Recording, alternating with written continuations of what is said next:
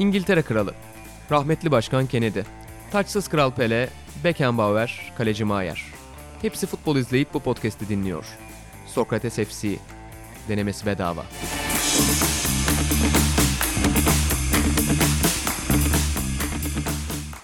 Sokrates'ten herkese merhabalar. Sokrates FC'nin yeni bölümüne hoş geldiniz. Ben İnan Özdemir, Hatan Altınordu ve İlhan Özgen'le birlikte Sokrates FC'nin yeni bölümünde karşınızdayız. Bugün 3 tane farklı konumuz var. Geçen hafta iki konuda daha geniş konuşmuştuk, daha serbest konuşmuştuk. Bugün 3 tane konumuz var. İkisi yerli, biri yabancı.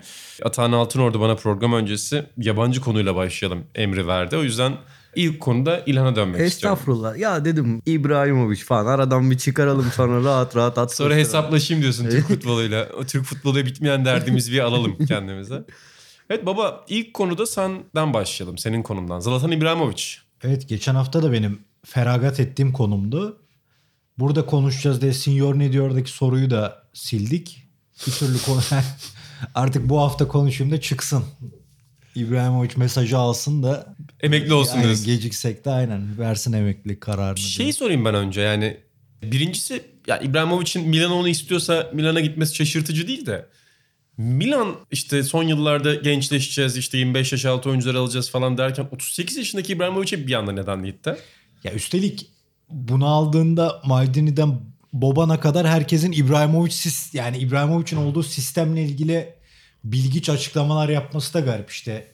Boban misal İbrahimovic'e bağlı bir takım olmayacağız filan dedi. Zaten herhalde bir zahmet. yani. Baba yani hani yani sanki 25 yaşında İbrahimovic almışsın da öyle açıklamalar yapıyormuşsun gibi öyle saçmalıklar var. Bu daha da komik. Yani Milan bir yandan büyük takım olmak istiyor tekrar. Zaten hani Avrupa uluslararası çapta en büyük İtalyan takım elbette ama bir yandan da onları neden buralara geldiğini gördüğümüz o küçük kafalar sabit kalıyor. Yani büyük takım olmak isteyen bir küçük takım hüviyetine kavuşturuyor Milan'ı. Bir şey yapıyorlar işte dediğin gibi gençleşme 3 senedir süren devamlı e, bazı yerlerde başarılı olan. Ama bir yandan da işler kötü gidince bir tane yıldız alalım da en azından taraftara tekrar umutlar, yeni umutlar verelim. Psikolojisi devam ediyor. Geçen sene de böyle oldu. Bütün her şeyi hallettiler sezon öncesinde. Oturdu etti dedik. Ondan sonra sezon başladıktan sonra forvet sıkıntısı işte birkaç golle dikkat çeken bir santrfor hemen onu satın aldılar. Bu sene Piontek çok gol atamıyor diye eleştiriliyor. Mutsuz olduğu söyleniyor yöneticilerin, teknik ekibin. Hemen İbrahimovic'i alıyorsun. Yani Bologna, para bulan Bologna gibi ya da hani zengin birinin satın aldığı Pizza gibi, Como gibi takımlar olurdu zaman zaman eskiden. Onun gibi hareket ediyorlar ya gemileri yakmak lazım. Taraftar ne diyorsa desin biz bunu yapacağız demeleri lazım. Ya da hani o eski Milan'dan o hayalleri kurdurmadan insanlar hayatına devam etmeli artık ne zaman karaya çıkarlar bilinmeden. Yani eski Milan olmayacağını kabullenmeli bir noktada. E ya onu yani. kabulleneceksin ya da yani eski Milan olma sebebi de işte bahsediyorsun. Ancelotti'nin takımı hadi biraz istisna da yani Sakki'nin takımına, Rocco'nun takımına, tarihteki Milan takımlarına bak özellikle Sakki'nin takımı zaten 80'li yılların başından beri toparlanan bir takım o. Onun eline o veriliyor. O da gidiyor işte 3 tane Hollandalı'yı alıyor falan filan. Yani orada da Milan gözü karartıyor. İkinci lige düşüyor tekrar çıkıyor filan. E onun neticede bir şeyini alıyorsun. Ama orada da var böyle Rossi transferi gibi uçuk transferler, bitmiş adam transferleri.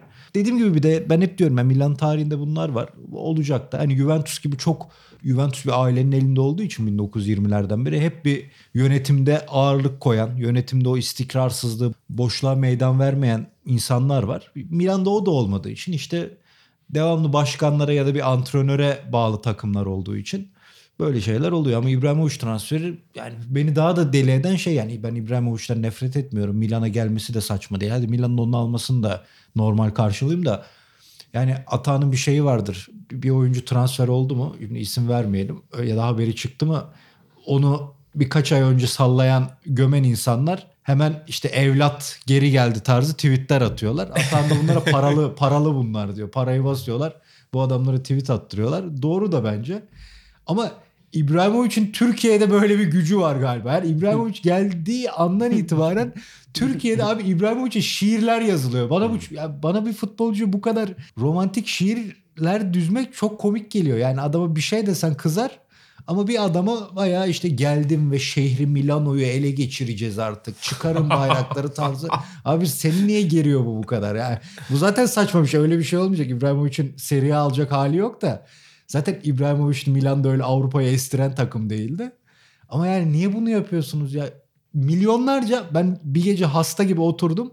Baktım o yani şeylere, o bahsettiğim cümleye ve ufak şiire. Milyonlarca insan atmış ya aynı şeyi. Şehri Milano'yu almaya geldim falan. Abi ne yapıyorsunuz? Hakikaten Neden? bir şiir mi var böyle? Ya abi neden ya? ya Allah var var ya aynen aynen. Ya, şey, şey yapmıyorum, abartmıyorum. Hakikaten niye, garipmiş. bunu yapıyorsunuz? Yani tamam İbrahimovic geldi çok sevindin de hani şehri Milano'yu almak, zapt etmek, işte eski Milan geri geliyor. Bir de böyle bir atıyorum Kayahan şarkısından şiir koyup İbrahimovic fotoğraf koyma falan bana çok garip geliyor. Hani Türkiye'den bir oyuncuya tamam statta izledin. Adamla antrenmanda adam bir ton Florya'da antrenmana falan gitmiş bir adam. Atıyorum Tugay Kerimoğlu'yla böyle bir bağ kurar ya da Bülent Korkmaz da kurarsın ya da ne bileyim Fenerbahçeli olsan kim bileyim Alex de kurarsın gibi. Beşiktaşlı olsan biriyle kurarsın Trabzonlu olsan. Abi yani hiç hayatında statta izlemedin, antrenmanını izlemedin, bir yakınlık kurmadın bir adama.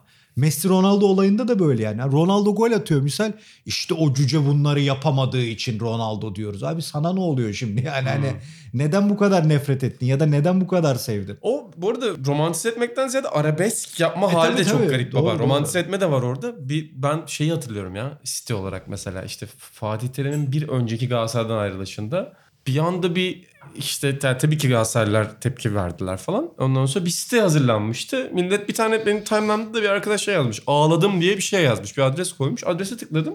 Site açılıyor. Zoom yapılan bir Fatih Terim suratı. Gözyaşı akıyor Fatih Terim'den. ilerletiyorsun ve ağla diye bir şarkı çalıyor arkada.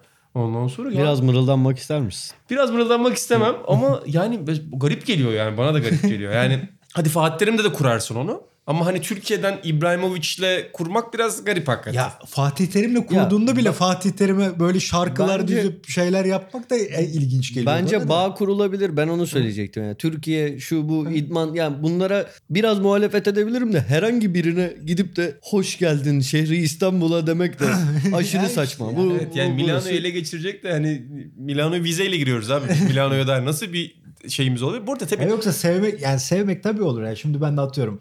Pirlo'yu seviyordum da yani hiçbir Glenn zaman Alan Ay, Shearer. ya da yani hani çok sevdiğim oyuncular var da hani belki yaşımız gençken biz de öyle şeyler hissettik. Bilemiyorum. Çok da kızmak istemiyorum. Yani milyonlarca insanın bir fotoğraf üzerine böyle şeyler yazması, buna inanması. Hakikaten inanıyor musun ya?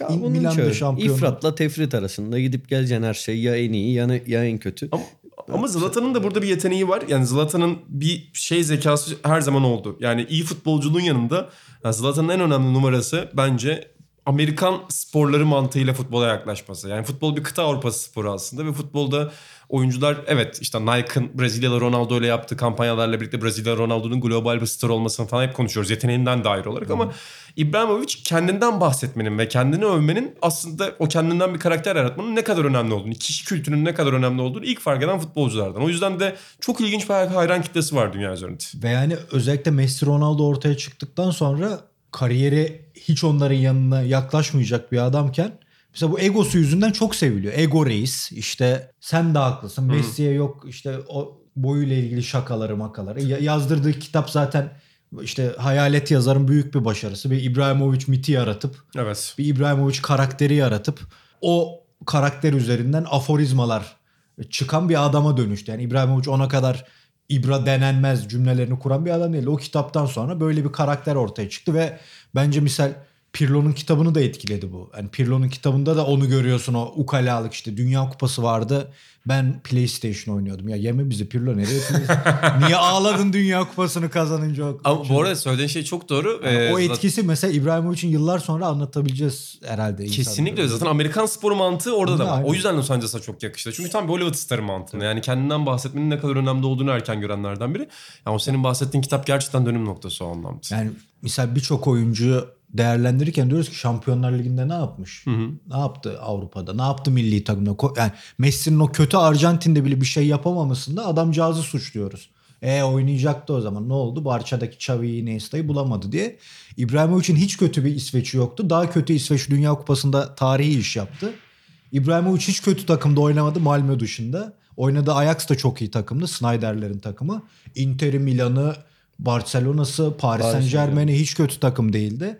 Neymar Paris Saint Germain'de kötü yani Avrupa'da iş yapamayınca işte balondu diyenler oluyor. İbrahimovic de bir şey yapamadı. İbrahimovic Avrupa şampiyonu Milan'a geldi. Hala bozulmamıştı o takım. Orada da bir şey yapamadı. Juventus'ta da Inter'de de yapamadı. Barcelona'da da yapamadı. Ama bu çok fazla gündeme getirilmedi. Çünkü İbra ayrıdır. Ego reis farklıdır. Çünkü gibi. kendi hikayeni biraz kendin artık Tabii, tabii. iplerini eline aldığında insanlar da reaksiyonlarını ona göre veriyor. Yani gerçekten o hikaye anlatıcılığında çok ilginç bir figür var. Aynen. Onda 38 yaşında bile bunu yapmayı başarıyor. Yani geçen sene şey demiş mesela ben onu görmemiştim. Geçen ESPN'de gördüm. Ya Ronaldo Juventus'a gidip bir challenge'dan meydan okumadan bahsediyor. Juventus'a giderek meydan okuma mı olur? İkincilikten bir takıma gideceksin. Esas o zaman meydan okuma olurdu. Yani İbrahimovic de hayatım boyunca ikincilikten Yani bir takıma gitmedi ki. yani Yani İtalya'da bile bütün şeyleri gez. Türkiye'de bütün büyükleri gezen adama dönek muamelesi yapıyorlar. Burada İbra Reis şampiyon yapmaya gitti Torino şehrine tarzı. keşke bütün şiir olsaydı da okusaydık burada. Belki programın Bütün sonuna... iki cümle bir şey böyle alt alta gibi Ben yazıyor. programın sonuna kadar bulursam gösterin. onu okuyacağım. Ben buradan yeni konumuza geçmek istiyorum. Ben hatta. sabırla sıramı bekledim. İki cümle müsaade ederseniz söyleyeyim. Et bakalım. Ben saksı değilim. Öncelikle bunu söylerim. Hatta şunu da söyleyeyim inancım. Biraz daha kelimelerini dikkatli seçersen kıta Avrupası sporudur dedim futbol. Kıta Avrupası yanlış bilmiyorsam Yanlış. Britanya'yı dışında bırakan bir tabir. Lütfen futbolun ana vatanı İngiltere'yi burada Ama dışarıda... çok başarılı olamadılar diye dışarıda bıraktım onu. Neyse e, benim konuya dair asıl söyleyeceğim şey şu. İlhan da buna muhalefet etmiyor anladığım kadarıyla. Hani burada dinledim İlhan'ın fikirlerini. E, Sabırla ama- dinledim seni. Yok muhalefet etmiyor da şurayı ben vurgulamak istiyorum. Benim hani takip ettiğim kadarıyla şu saçma tamam işte Bobanların falan yaptığı açıklamalar İbrahimovic'in e, üzerine takım kurmayacağız denmemesi yani o zaten bariz bir şey saçma ama bir yandan tamam ya şunu da söyleyeyim hatta araya tekrar detay alıyorum. Şu an Milan'a kim gelse faydası olmaz gibi görünüyor. Hani kimse toparlayamaz tek başına öyle bir iki transferlik falan bir iş değil. Ona da tamam.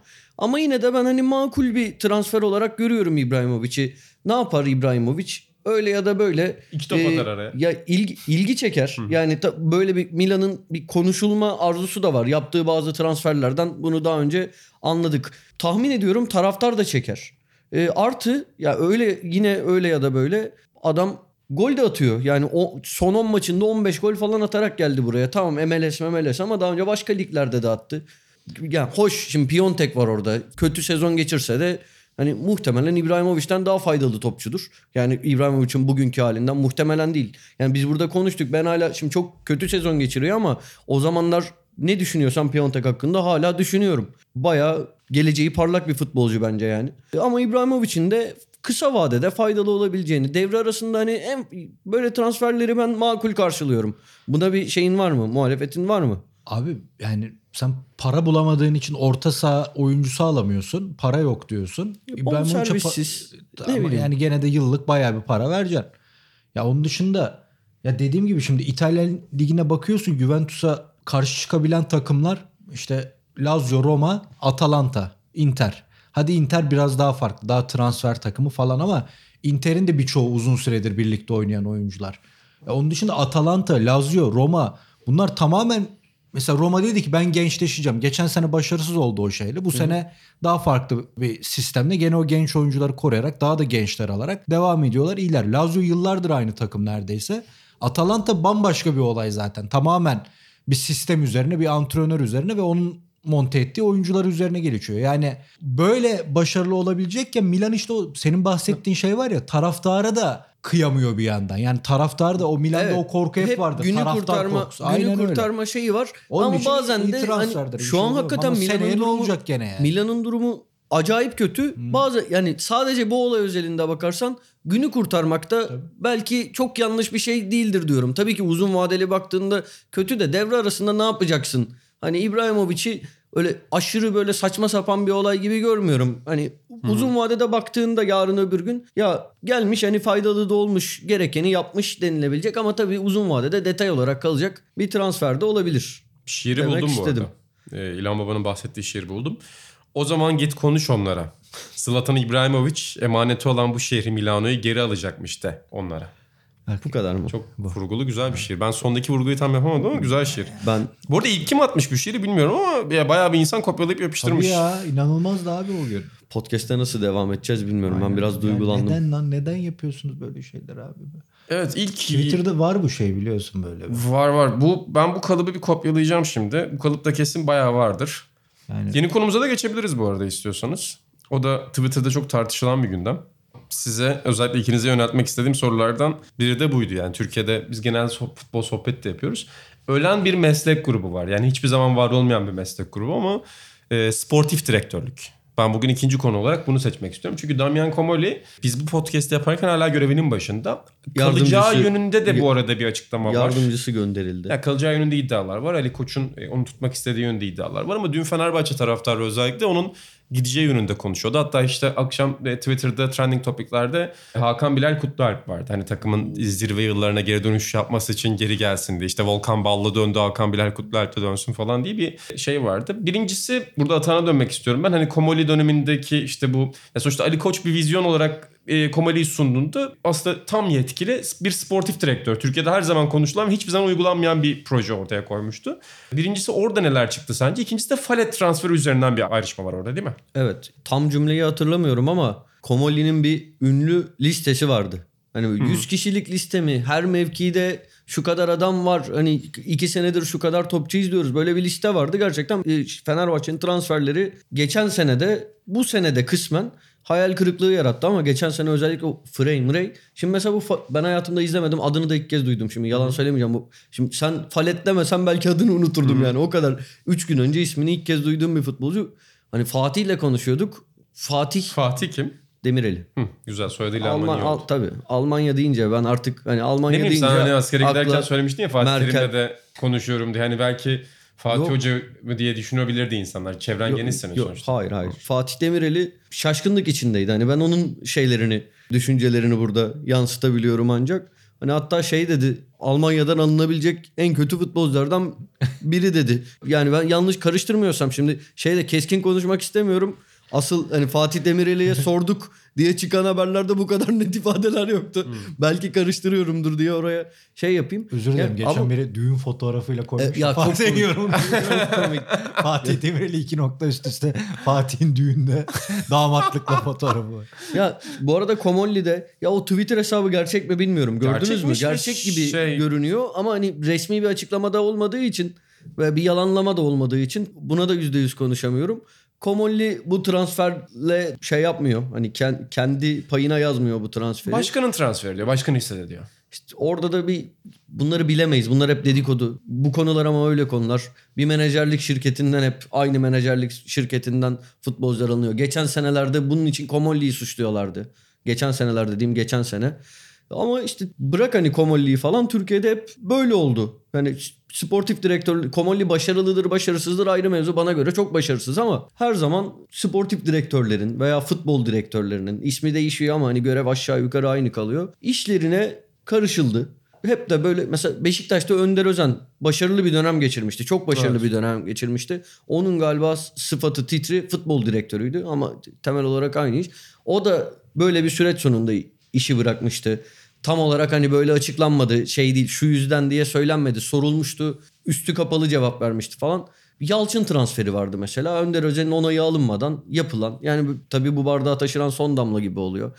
Daha önce işte ya hemen hemen her takımda oldu veya işte geçmişten başarılı sportif direktör örneği Süleyman Urma Kayseri Spor'da iyi işler yaptı. Oradan gitti. İşte Trabzonspor'dan benzer süreçler sonunda ayrıldı. Oluyor. Şu an Beşiktaş'ta şey var çok övülüyor. Ali Naibi diye genç bir yönetici. Yani yönetim kurulu e, ortalamasına göre genç bir yönetici. Övülüyor. Bu sene biraz o da eleştirilmeye başlandı. Aslında biz bu insanların tam yetkilerini, görevlerini değerlendirebilecek durumda değiliz. Çünkü her kafadan ayrı bir ses çıkıyor. Herkes başka bir şey söylüyor. Sportif direktör sence transferde nasıl bir payı var? Bulan kişi mi oyuncuyu? Değil. E, ucuza kapatan oyuncu mu e, isim mi? Değil. Hani hoca mı mesela atıyorum Beşiktaşlılar Diaby transferinden ötürü eleştiriyordu Ali Naibi'yi işte 2 ay önce 3 ay önce. Niye onu eleştiriyoruz? Şimdi bu Şöyle bir durum var bence orada. Bence sportif direktörlük bir günah keçisi mesleği. Yani şimdi genelde başkanların kulüpler üzerinde Galatasaray'da, Beşiktaş'ta, Fenerbahçe'de medyada daha büyük bir desteği var. Yani medya e, genelde başkanların özellikle kulüp muhabirleri başkanlarla bile iletişime geçebiliyorlar, geçebiliyorlar çoğu zaman bildiğiniz gibi. O yüzden de işler biraz kötü gittiğinde, transferlerden biri kötü gittiğinde bunu sportif direktörün tasarrufuna yazmak ve onun üzerinden kendini aklamak bir Türk spor pratiği olarak gayet mümkün. Ama zaten yani Türkiye'de ideal uygulanabilecek bir şey değil. Çünkü biz yani Türk insan olarak güçler ayrılığı denen şeyden Evet. kesinlikle bir haberiz. Yani herhangi bir alanda biz güçleri zaten ayırt edemiyoruz. O yüzden bana imkansız yani işlemesi imkansız model gibi geliyor. Şeyi hatırlıyorum. Cenk Ergün bir dönem. Bak onun da bu sıfatları karıştırıyorum. Futbol direktörüydü galiba. Tam hatırlamıyorum. Benzer rol. Evet benzer rol. Transferleri yaptı. iki sene önce işte Tudorlu sezonun başında.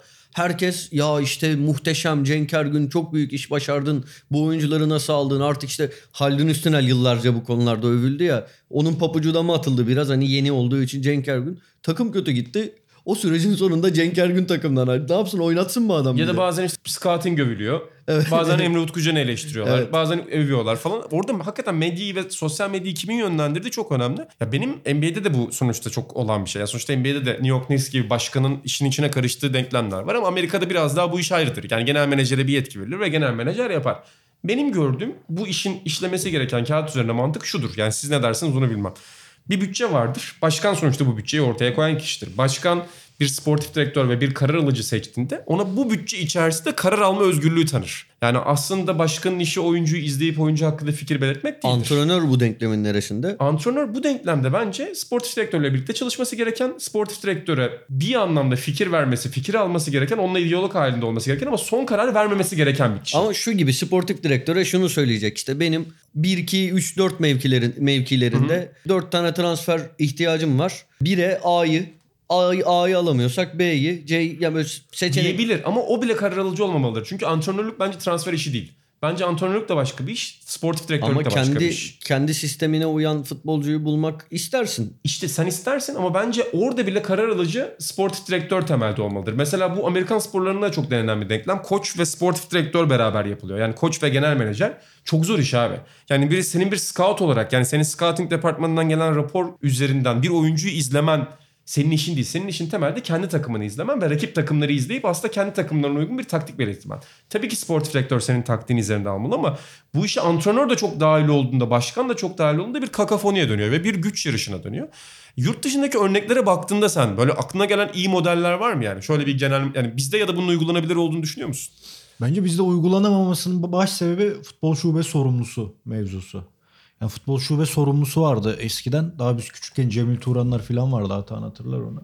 Onlar yönetimin içinden. Yani yönetimde olan. Ki futbol şube sorumluları genelde sonra başkan oluyor. Bir Ha, sonraki durak Aziz Yıldırım işte oluyor. onlardan biriydi. Birçoğu. Ergun Gürsoy. Ergun Gürsoy. Yönetimin adamı. Alişen de dahil. bu Yönetimin adamı derken yani yönetim kurulunun içinde, başkanın grubunun içinde, futbol takımı ile ilgilenen, futbol takımının Metin Aşık da öyle misal. Burada Ergun Gürsoy dedim. Ergun Gürsoy Başkan- tabii başkan olmadı. Başkan olmadı yani Evet. başkandan Evet. birçok başkandan daha etkiliydi bu. İşte kulübede oturan gerekirse işte Aydın Begiter var Eskişehir'de aynı şekilde misal. Kulübede oturan ve antrenörün işine kadar birçok şeye müdahale edebilen, oyuncu seçimine müdahale edebilen bir figürdü. Biz futbol şube sorumlusuyla genel menajer aynı şey sandık. Aykut Kocaman falan ilk genel menajer olduğunda. Bence orada o terim kargaşası, o kafalarda kalan soru işaretleri giderilemedi. Giderilmesi de zor. Çünkü sen 2000'lerde bunu getiriyorsun. İtalyanlar ta bu Agnelli'lerin dedesi Juventus aldığında genel menajer getiriyor takımın başına. İtalya'da o- biraz daha farklıdır. Eski futbolcular vardır ama nadirdir ama yani yöneticiliği bilen, menajerliği bilen adamlar gelir oraya. İngiltere'de de benzer bir sistem Evet var. İngiltere'de ama yeni yeni olmaya başladı. Onda çünkü menajer kavramı farklı olduğu için o kulübü menajer yani antrenör e, yönettiği için o işleri daha te- tekeldeydi. Bir de ben geçmişte Almanya'da çok olduğunu biliyorum. Mesela Hönes futbolu bırakır bırakmaz meşhur sakatlığında hemen genel menajer oldu. Günter Netzer işte Hamburg'un en iyi döneminde genel menajerdi. Ve Netzer onu der yani genel menajerin en önemli işi antrenörü seçmektir bence. Antrenörü seçersin kafanda takımı görmek istediğin modelde o antrenörü seçersin ve o, ay- o oyuncuları alırsın ona. O- Yani atıyorum diyor ki Hapel'i ben aldım çünkü yüksek offside taktiği oynatıyordu. Presto oyunu oynatıyordu. Sonra da ona göre oyuncular aldım ona.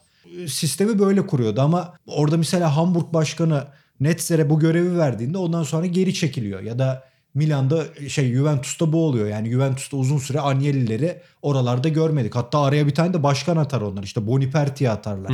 Genel menajer gibi filan. Ya onlarda o kültür olduğu için o kültür üzerinde çok fazla oynayabilmişler işte. İstedikleri gibi anlamlandırabilmişler ki İtalya'da da belki de baksak Twitter'a, sosyal medyaya, sosyal medyadaki eleştiriler her zaman olur. Ama bizim genel olarak kafaya oturamamasının sebebi, adamların kulübün içinde nefes alamama sebebi bence dediğim gibi yani futbol şube sorumlusunun devamı olarak görülmesi bu Ya, mesleğin. bir de şöyle bir şey Kapsamı hiç oluyor. belli değil zaten. Gö- görevin diyelim. İlhan o kültürden bahsediyor ya. Farklı bir şey yerleştiğinde ya mesela bu Türkiye'yi ele alalım. Hatta şuradan benzeteyim.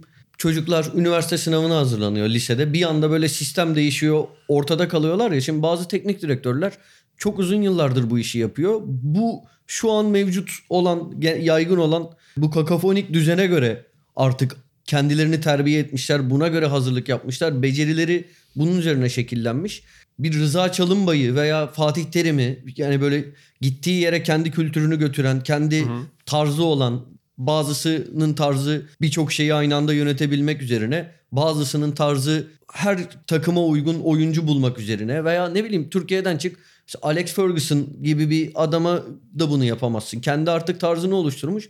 Yani buna bir sıfır noktası da olamayacağına göre ancak kulüpler kendi kültürlerini yaratabilir ve buna göre teknik direktör seçebilir. Ama şimdi bu bu kadar çok da Türkiye konuşuyoruz diye Türkiye'den örnek veriyorum. Bu kadar çok da bu düzende yetişmiş teknik direktör, bunun üzerine kendini geliştirmiş teknik direktör varken buna geçmek çok zor. Ya o yüzden ölü bir meslek. Evet. Yani şey diyorlar bu arada mesela Komolli'den çıktık ya Fenerbahçeliler haklı olarak büyük oranda Koku'yu çok eleştiriyorlardı. Ama mesela Koku Koku gidip Komolli kaldığında şey diyen çok görüyorum ki mantıklı bence. Ya o zaman hani Koku niye gitti? Bir birlikte çalışıyorlardı. Komolli'nin birlikte çalışmaya daha uygun olacağı bir isimdi. O zaman Koku kalsaydı Komolli de kalacaksa. Şimdi böyle bir, bir yanı Türk bir yanı Avrupalı bir düzen oldu. Ya ben de onu diyecektim işte. Şimdi Beppe Moratta'ları, Marotta'ları falan bakıyorsun. Herif Conte'yi getiriyor. Daha sonra işlemlere başlıyorlar. Yani genel menajer bunu da seçebiliyor orada.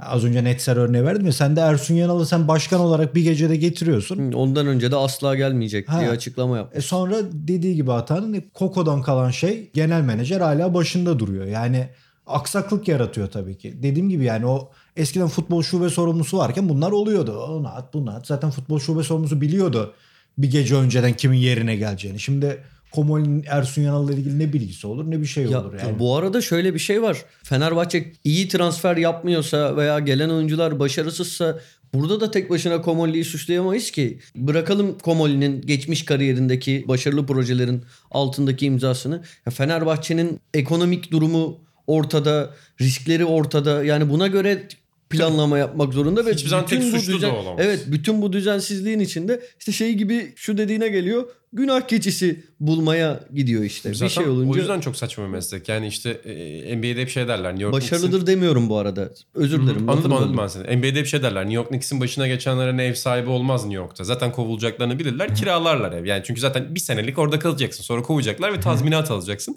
Yani Türkiye'de beni şu an biri ki kim getirsin yani insanlar aptal mı? hani bir kulübün başına sportif direktör yapsalar yani o şehirde çok kısa bir sürede geri döneceğimi bilirim.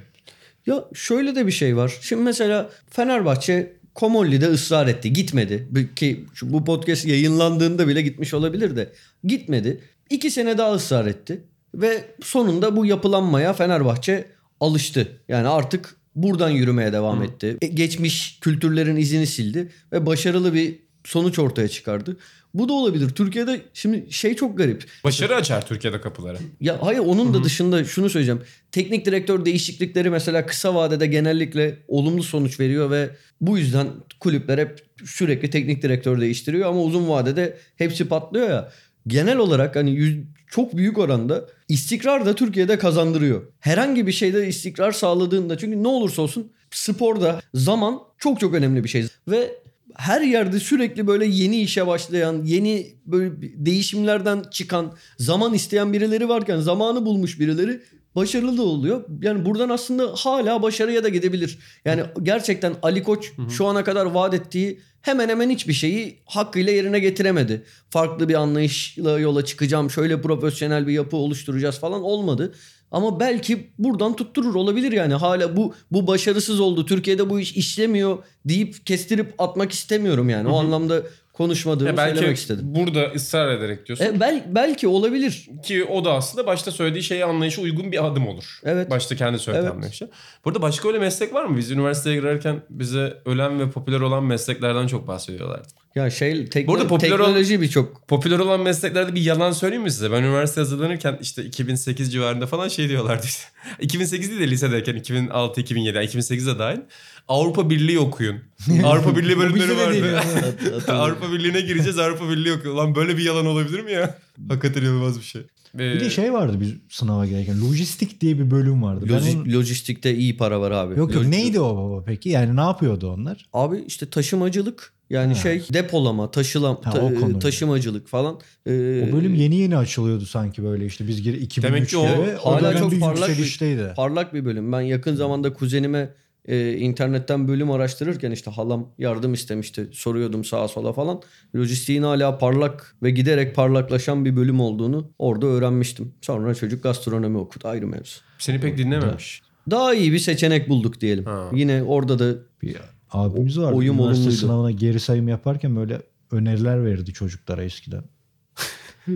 Onun gibi olduk şu an. Şey mi? Ee. Abbas Güçlü değil de Abbas Güçlü değil. e, NTV'de bir adam vardı. O da o da öncesinde TV8'de var. Çok babacan bir adamdı. Hatta şey ya ikinci Oyuncuydu aynı evet zamanda. evet ya.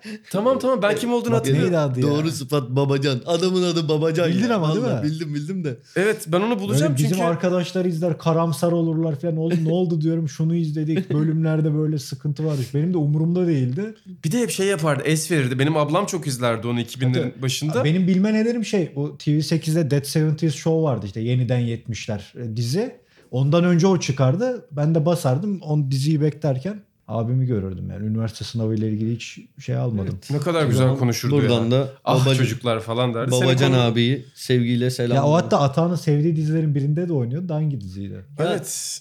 Mehmet Aslan Tuğlar'la falan olabilir mi bir dizide? Bilmiyorum belki bilmem hatırlayamadım oynadığı diziyi şimdi de. Dizide, o- dizide oynuyordu yani hatırlıyorum şeyini yüzünü. İnan Ben bir yandan at- bakıyor bulacaktır. Atağına, atağına pas atacağım. Atağının konusunu diyeceğim. Çünkü ben senin konun e, aslında geçen hafta da ondan önceki haftalarda tartışabilirdik. Geçen hafta konularımdan biriydi vazgeçtik sonra hadi neyse dedik. Arda Turan yani Evet. bu hafta tekrar e, gündeme gelen Hepimizin konu konusu, tü- bütün Türkiye'nin konusu olmaya devam eden. Çünkü Başakşehir'le yolları ayırdılar ve şu anda ciddi bir Galatasaray ihtimali var. Önce şeyi sorayım ben. Sen Galatasaray camiasına da şaka yapmıyorum. Yani sonuçta çok tanıdığın olan bir insansın. Tabii ki tanıklarından şu bilgiyi aldın de çok insan tanıyorsun Galatasaray'dan. Ne durumda şu an? Bir bilgi var mı? Abi bilmiyorum. Ee, gerçekten bilmiyorum. Bilen de çok fazla kişi olduğunu zannetmiyorum. Çok gelecek gibi görünüyordu. Hakikaten yani mesela bildiğini düşündüğüm insanlar şey diyordu. Bitti bu iş canım hani geliyor artık. Hazırlayın kendinizi diyen tanıdıklarım vardı. Mustafa Cengiz gündemimizde yok dedi.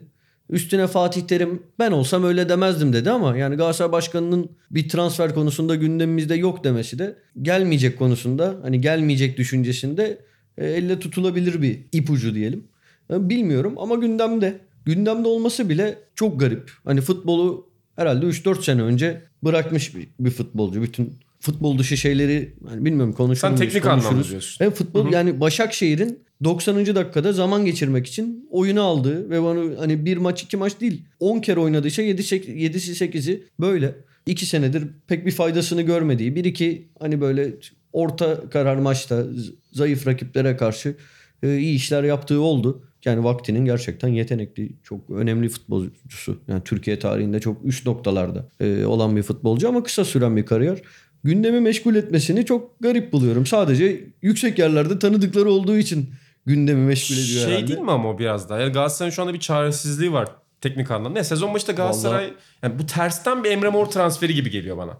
Ya, Ya da te- hiçbir- tersten bir İbrahimovic de olabilir. Ya değil işte. Yani İbrahimovic 14 mi 15 mi demin dedim ya gol atarak geliyor. 10, 10 maçta 14 gol atarak geliyor Milan'a. Hala formda bir İbrahimovic olarak geliyor. Ya Arda'nın ben şu an MLS'te de fark yaratabileceğini düşünmüyorum. Ki o ihtimal Tamamen- de konuşuluyordu bir iki senedir. Evet konuşuluyordu. Artık bence hani Katar falan olabilir. Orada iyi oynayabilir. Yani Suudi Arabistan liginde var öyle futbolcular ki orası bile şeyi aşabilir yani bilmiyorum. Gerçekten bana garip geliyor. Kaç senedir futbol oynadığını görmediğimiz bir adam yok yani piyasada. Şeyi geçiyorum yani silahla hastane bas, basmasını falan geçiyorum. Bu adamın Galatasaray'la Beşiktaş'la işte iki gün önce adı geçti. Beşiktaş hemen yalanladı. Yani oynadığında gitti yan hakeme saldırdı, ceza aldı. Yani Başakşehir kariyerinin çok- başındaydı o değil mi? Evet çok ilginç bu adamın isminin anılması. Bu arada Galatasaray'ın çaresizliğinden söz ettin. Galatasaray'ın çaresizliği Galatasaray'ın ben hala söylüyorum bence çok iyi bir kadrosu vardı. Yani gerçekten çok başarılı olabilecek bir kadrosu vardı. Ama probleme baktığında herkesin söylediği şey artık yeni bir şey söyleyemeyeceğim. Burada da konuşmuşuzdur. Hareketsiz bir takım oluşu. Dinamik futbolcuların olmaması. Bu yüzden işte Ömer Bayram, Bayram oynadığında fark yarattı. Taylan oynadığında Antalya'da. fark yarattı. Ee, bu yüzden işte insanlar Lines'e özlem duyuyor. Lemina'dan böyle bir yırtıklık görünce ah işte bu diyor. Bu yüzden oluyor bunlar. Veya Andone bu yüzden sevildi e, sakatlanana kadar. Arda bunun tam tersi. Arda şeyin de tam tersi. Futbolcuların geçmişine değil geleceğine yatırım yapacağız artık e, cümlesinin Fatih Terim'in ağzından çıkan. Bunun da tam tersi. Ya bilmiyorum herhalde orada bir ikili ilişkilerle en hani iyi ihtimal şu görünüyor. Arda'nın neye ihtiyacı var? Arda'nın paraya ihtiyacı yok. Ömür boyu yoktur herhalde artık paraya ihtiyacı. Hak ederek çok para kazandı. Futbol oynamaya ihtiyacı olsa bence bugüne kadar böyle davranmazdı. Arda Türkiye'nin en sevilmeyen figürlerinden biri. Çok açık. Her Bir gittiği statta yuhlanan. Evet öyleydi. Öyleydi. Her gittiği statta yuhlanan. Yani bir nefret objesi Arda. Bu zaman zaman haksız şekilde de yapıldı ona. Sonra bana göre e, benim fikrim çok haklı şekilde de yapıldı. Arda'nın bir imaj tazelemeye ihtiyacı var. Bu Galatasaray'da oynayarak olabilir mi? Bence çok zor. Çok zor. Hani şundan eminim. Gelsin hani bir maç iki maç iyi oynasın. Herkes her şeyi unutmaya hazır olacak herkesten. Yani en, insanların en az yarısının romantizmine Arda'nın bugüne kadar yaptıkları kurban gidecek, unutulacak. İşte Arda bu falan denecek. Şehri Ama İstanbul. onu yapması De ki onlara. çok zor. Yani imkansız diyemem. Çok yetenekli futbolcuydu da ben böyle ben vallahi hayatımda 4-5 sene 5 sene değil de 3 sene Üç- diyelim. 3 2,5 3 üç- sezon üç- diyelim. üç ya da 4 sene futbol oynamamış. Hiçbir şey yapmamış. Sonra parlayan bir futbolcu hatırlamıyorum yani. Bir de orada şöyle bir durum var atasözünü kestim. Tersine dön. Ha, Yani yetenek Ar- Arda'nın en büyük yeteneği olan ve şu an Galatasaray'ın aradığı, Galatasaray'ın da hayalini kurduğu şey olan adam geçen oyuncu. Yani yan pasa değil de diklemesine bir şey yapan işte Taylan Antalyalı'nın ya da Ömer Bayram'ın fark yarattığı alan. Yani kaleye doğru gidebilen, çalımla gidebilen oyuncu özelliği Arda Turan'ın kariyerindeki en büyük yetenekti. Yani Arda Turan çizgiye inerdi ve bir şekilde savunmanın içinden Evet. e, çalımlarla bir şekilde Şeyleri geçerdi. falan da vardı. Yani mücadele de ediyordu. Mesela Arda'nın çok karakteristik bir özelliği vardı. Çok iyi kayarak top alırdı. Tereyağından kıl çeker gibi rakibin ayağından top alırdı. Geriye Evet, ters ayağıyla alıp böyle eder. tekrar döner. Evet direkt dönüp kalkıp giderdi. Ama işte orada şöyle bir durum var. Onu yapabilmesi için de artık fiziksel olarak o durumu yok. Yani yetenek ve teknik gitmez insandan. Yetenek ve teknik kalır. Arda 50 yaşında eminim halı sahada hala 10 kişiyi geçiyor olacaktır. Ama şu an 90 dakikalık sert bir mücadelede ayakta kalabilecek fiziksel yapısı yok. Ve Zlatan'ın durumundan biraz daha farklı bu gibi. Yani bir gol vuruşu Tabii, tabii. eskimeyebilen bir şey ama çalımı orada biraz desteklemen lazım. öyle değil mi? mücadele yani ne olursa olsun Aynen. orta saha oyuncususun. Şuna bağlayacaktım. Ee, yani futbol oynayarak da bu imaj tazeleme olasılığı çok zor görünüyor Arda'nın.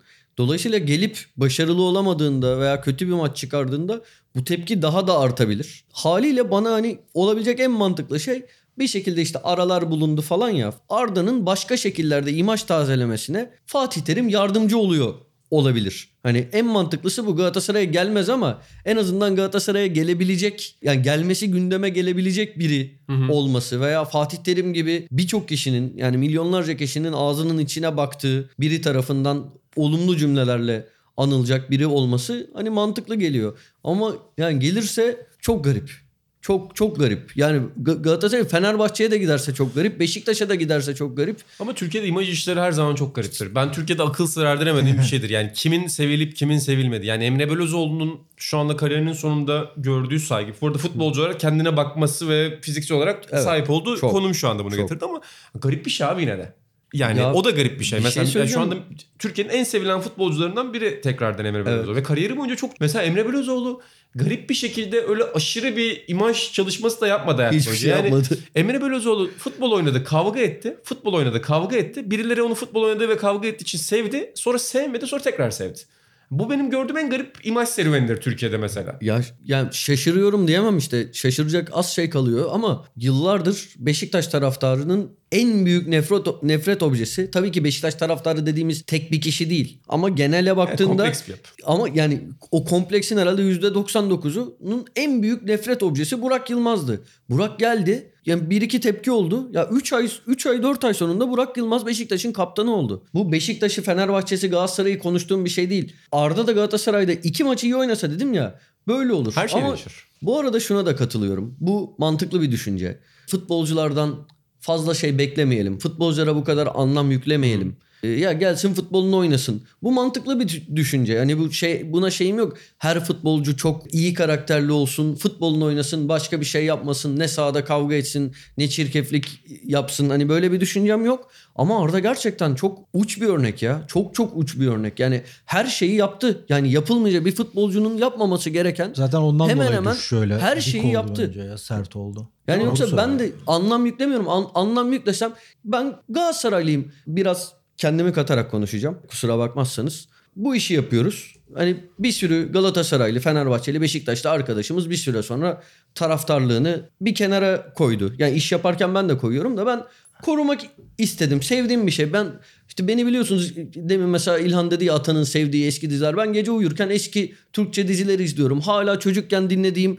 müzikleri dinlemeye çalışıyorum. Bu benim içimde kendi saçma da olsa yeni şeylere biraz kendimi kapatıyorum. Bir sürü şey de kaçırıyorumdur bu yüzden ama kendi içimde bir samimiyet testi gibi bir şey. Hani ben bunu gerçekten seviyordum gibi bir şey. Galatasaray'da benim için öyle. Gerçekten hayatımda çok önemli bir şey. Galatasaray'ı sevmeyi seviyorum. Futbolculara da anlam yüklemek istemiyorum. Teknik direktörlere de anlam yüklemek istemiyorum. Yüklesem zaten ben eskiden şeye inanırdım. Galatasaray çok farklı bir kulüp, çok farklı değerleri var işte falan bunlara inanırdım. Zaman içinde gördüm yokmuş veya hepsinin belki farklı farklı bazı iyi özellikleri vardır da bugün geldiğimizde Galatasaray, Fenerbahçe, Beşiktaş, Trabzonspor hepsi aynı şey. Kasımpaşa daha fazla taraftar var bazılarının. Eğer böyle anlam yükleseydim zaten çoktan hani hiçbir şekilde aram kal- kalmazdı bu işlerle. Ama Arda öyle bir şey ki e, yani büyük büyük cümleler etmek istemiyorum da Arda olmaması gereken her şeyi yapan bir adamın ki Galatasaray'a bir saygısızlığı olmamıştır. Ben insan olarak söylüyorum. Yoksa şey falan diye de istemeyen çok var. Galatasaray'ın teklifine komik dedi. Galatasaray'ın formasına işte bilmem ne rengi dedi falan. Bunlar saçma sapan tepkiler bana göre. Arda'nın Galatasaray'a en ufak bir ayıbı olduğunu düşünmüyorum ama figür olarak bunları yapan birinin Galatasaray'a gelmesi beni tamamen dışarıda bırakacak. Yani anlam yüklediğim için değil. Bu çok uç bir şey olduğu için. Yani ben öteki türlü ben ama ben hayatımı böyle yaşıyorum. İşte boykotlarla yaşıyorum. Şeyle yapabileceğim şey bu. Mecburen benim hayatımda da bir sayfa kapanmış olur. Üzülürüm. Sen ne düşünüyorsun baba? Özür kapatırken? dilerim. Sana- Kişisel konuştuysam Yok rica da. ederim. Galatasaray tehdit etti. Hayır. Hayır estağfurullah. Doğru. Hayır. Şey bu değil. laf lafı açtı diye söyledim. Ne olacak? Kim? Yani ben kimim de böyle düşünen insanlar var. Böyle hisseden var, var. insanlar var. var. Ve bunları söylemek ne olursa olsun herhangi birinin bir insanın sokak röportajında mikrofon tutulan yoldan geçen bir adamın dahi bunları söylemesi bir şekilde kamuoyu oluşturuyor ve bu kamuoyları Türkiye'de işte hukuk alanında da görüyoruz. Bir şey oluyor. İnsanlar tepki verdiği için suçlu cezalandırılmak zorunda kalıyor falan. Kamuoyu oluşması önemli diye ben de karınca kararınca söylüyorum o anlamda. Yoksa estağfurullah ben kimim yani? Biliyoruz diyorum şaka yaptım. O- Olsun söylemek istedim. Diziler falan dedi ben orada kaldım. O duygusal Buldun mu abi? bulamadım. Ya sıcak saatler olabilir bak orada oynuyordu sanki. Tam kestiremedim. Ya ilginç Arda figür olarak ilginç bir adam. Yani Türk spor tarihinde 2-3 sene bu kadar çok sevilip ailenin ufak çocuğu gibi sonra nefret edilen hatta diyoruz ya milli takımdan koptu insanlar diye o kopuş bence Arda'nın Avrupa Şampiyonası performansıyla başladı. İşte şikayet etmesi, sahada ağlaması, yuhlanması, politikayla çok iç içe girmesi yani oralarda başladı.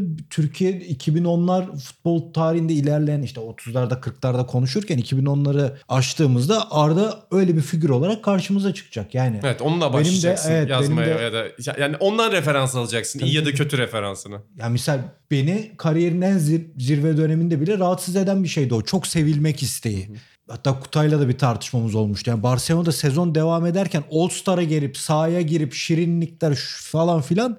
Yani artık iyice şey olmuştu. Ailenin çocuğu çok şımarmaya başlamıştı. Hani bir kötü bir şey görünüyordu ama daha da fena bir şey oldu. Yani ben ya bu adam bir yerde batacak. Çok fazla kendini sevdirmeye çalışıyor diye düşünürken olay daha da şiddetli bir şekilde sonlanmaya doğru gidiyor. Atağının dediği gibi yani hani Ben öyle Türkiye Ligi maçlarını çok izlemiyorum da işte Atahanlar izlerken diğer çocuklar. Ya bakıyorsun adam kimse de iyi bir intiba bırakmamış artık. Yani hiçbir taraftar sevmiyor adam. Hani politik görüş olarak Arda'nın işte AKP lehine şeylerini düşünüyoruz. Ya AKP'li insanlar tarafından da futbol severler tarafından da çok sıcak şey gibi, bakılmıyor bunun artık Türkiye'de yani. tek örneği var. Hani bu kadar başarılı olup kimse tarafından sevilmeyen, sahiplenilmeyen bir tek Tanju Çolak var galiba. Hani adam bir yerlere gidip kendini sevdirmeye çalışıyor. orada bile sevilemiyor. Ama Arda'nın öyle olacağını düşünmüyorum. Ama Arda bir şekilde kendini temize çıkaracaktır. Tanju'da Fenerbahçe mevzuları falan da var. Yani hem Galatasaray hem Fener Mener o adamların işi zor oluyor. Bir de Tanju'nun işte sosyal medya yokken falan kaçakçılığı maçakçılığı da Tabii. ona rağmen büyük olay olmuştu. O Mercedes olayları filan.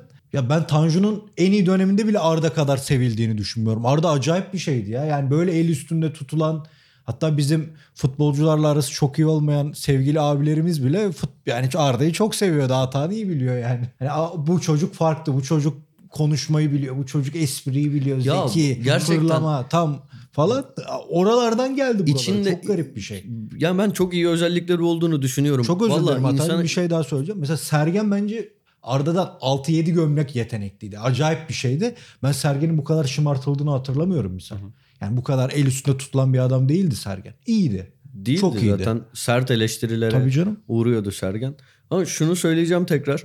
Ben Arda'nın biraz da hani çevresiyle bu noktaya geldiğini Doğru, düşünüyorum. doğru. Şey klişesi vardır ya.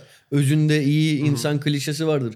Ben Arda'nın ne olduğunu düşünüyorum. Şey olarak çok iyi bir arkadaş olduğunu düşünüyorum mesela Arda'nın yaptıklarıyla. Hatta işte o çok eleştirilen şey var ya. Barcelona'ya gitti. Orada Türkiye'deki hayatı yaşadı, çevresini götürdü falan. O benim hayalim. senin yapacağın şey Ben futbolcu olsam bak ben o şeyi Arda'nın çevresindeki insanlara, sevdiği insanlara karşı tavrının az insanın gösterebileceği nedeni vefa, bir samimiyet olduğunu düşünüyorum. Da işte başka yerlere de kaydı. İnsan çok iyi ya da çok kötü tek başına olmuyor. Garip. İyi özellikleri de barındıran Ya karanlık mesela bir figür. şey bile abartıldı ya. Ben ben de o yönünü severim mesela. Hatta duyuyoruz sağdan soldan o çocukken Arda'ya yakın insanlarla falan muhabbetim olduğu için.